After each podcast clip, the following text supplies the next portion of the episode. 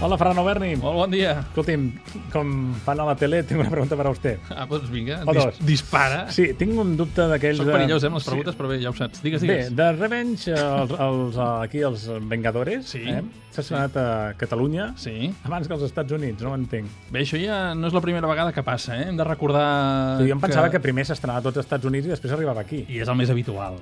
Però de tant en tant hi ha algunes excepcions. L'última, em sembla que va passar amb el Tintín, les aventures de Tintín, potser perquè el personatge era molt europeu, i la veritat és que primer van preferir estrenar-se aquí i al cap d'uns mesos, mm, en aquest cas, passarà menys temps amb els Vengadores, perquè em sembla que s'estrena El quatre no? s'estrena, És a sí, dir, que res, divendres. d'aquí quatre dies. Sí, sí, Em, divendres. quatre dies no, de quatre dies és un fet. Eh? sí, és un dia, sí, sí, hem entès. No, s'ha estrenat aquí ja Només abans. queda un dia, de fet és demà, no?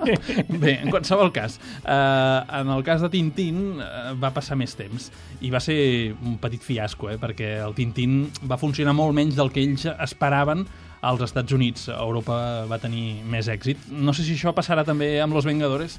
No ho sé. No ho sé. A mi m'agrada, també ho he de dir, però com que ja això és d'ahir, Ja ho dit, ja ho has dit, estar. ja ho has dit. A banda de tota aquesta xerrameca que Sí, tenim, sí. avui has vingut a parlar d'un documental. Home, home, home. El del home, mes. home. Avui us porto una pel·lícula realment molt interessant, eh? una reflexió sobre la dignitat i la transformació de la societat. És, com deies, el documental del mes, aquest cicle que es fa, com diu el nom, mensualment I és un arreu del documental. territori.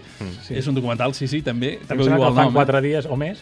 Sí, sí, sí. De fet, en funció de la ciutat es projecta en unes hores o uns dies, per tant, jo us aconsello que entreu al web del documental del mes i allà veureu la relació de cinemes, sales, projeccions d'aquesta pel·lícula que jo trobo tan i tan interessant. Es diu La meva fàbrica, un documental alemany que descriu la duresa d'unes eh, drassanes, del dia a dia d'unes drassanes a Alemanya, el dia a dia dels seus treballadors, un inici més poètic sobre el que significa eh, la quotidianitat de la fàbrica i mica en mica hi ha la transformació de la societat en la qual estem vivint, immersos en una crisi econòmica, com tots molt bé sabeu, i de quina manera això afecta els treballadors i aquesta fàbrica, perquè hi entren uns inversors russos, eh, la fàbrica cada dia té menys pes, eh, hi ha més problemes econòmics... És molt, molt, molt interessant adonar-se del dia a dia d'una feina com aquesta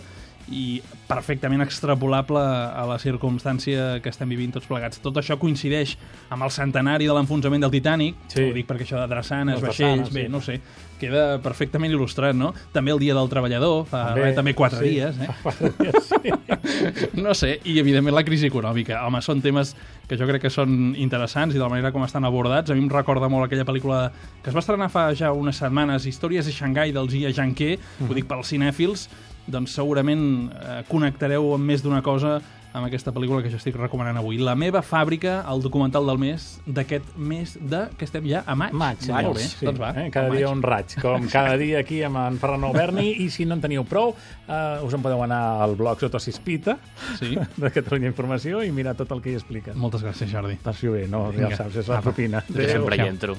Adéu.